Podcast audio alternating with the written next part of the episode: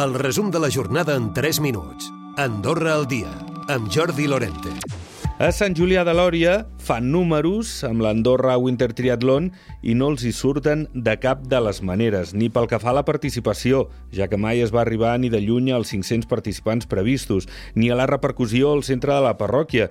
I així ho ha reconegut el cònsol major, de fet, que renuncia ara com ara demanar alguna altra prova de l'Ironman després de les tres que ha organitzat, perquè, més, la inversió era de 60.000 euros a l'any. Josep Majoral. Per mi, a data d'avui, el projecte Ironman queda aparcat eh, tinc molt clar que els criteris que s'han d'utilitzar per acollir una prova d'aquest estil, sigui Ironman, sigui una altra, han de variar, han d'anar en base a l'èxit.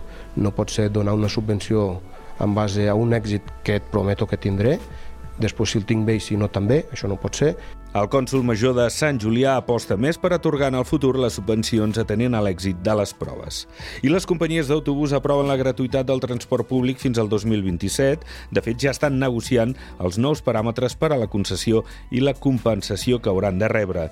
N'ha parlat el president de Copalsa, Gabriel Dallarès. Això està en mans d'experts, que són els que saben com, com es fan aquestes coses, i estem a l'espera d'aquestes propostes tant govern com, com els operadors. Creixent usuaris, eh, doncs hauran de créixer amb freqüències, hauran de créixer amb temporalitat d'inici i final de servei, eh, que aquí podem menys, però, però també hi ha algunes demandes que van en aquest sentit. S'hauran d'analitzar totes i quantes van en una, en una línia coincident i intentar anar assumint aquelles que siguin més urgents. Després això doncs, té unes conseqüències econòmiques, de, si hi ha increment de servei, hi ha increment de costos i que s'han de, de compensar, segur. El procés de mediació al transport sanitari assistit no medicalitzat continua. Sembla que no s'acaba amb aquesta història. De fet, continua amb els representants de la quinzena de treballadors que han manifestat la voluntat de seguir a la taula de negociació.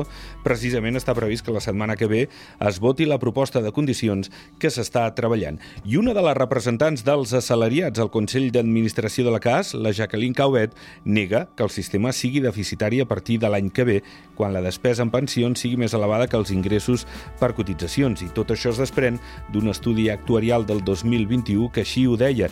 Diu ella que caldria actualitzar-lo. S'ajusta en absolut a la realitat. Aquest estudi es va fer preveient, si no recordo malament, uns ingressos per nets per la branca jubilació d'uns 18 milions i mig. Aquests 18 milions i mig s'han convertit en 32 milions d'ingressos.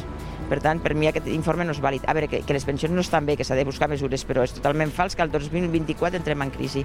De fet, l'estudi actuarial data del 2021, en època de pandèmia, i per això se'n demana un de nou que tingui en compte les dades actualitzades. I acabarem explicant que la policia ha detingut un home de 50 anys per amenaçar tres nois que es desplaçaven en cotxe prop de la rotonda d'Ers. Ho feia amb una pistola d'impulsos elèctrics i un pal de fusta. L'arrestat els va seguir fins a barrar-los el pas amb el seu vehicle circulant circulant en contra direcció. De fet, abans havia acusat molèsties també als veïns d'Escàs. Se l'acusa de delictes contra la seguretat col·lectiva i contra la llibertat per port il·legal d'arma.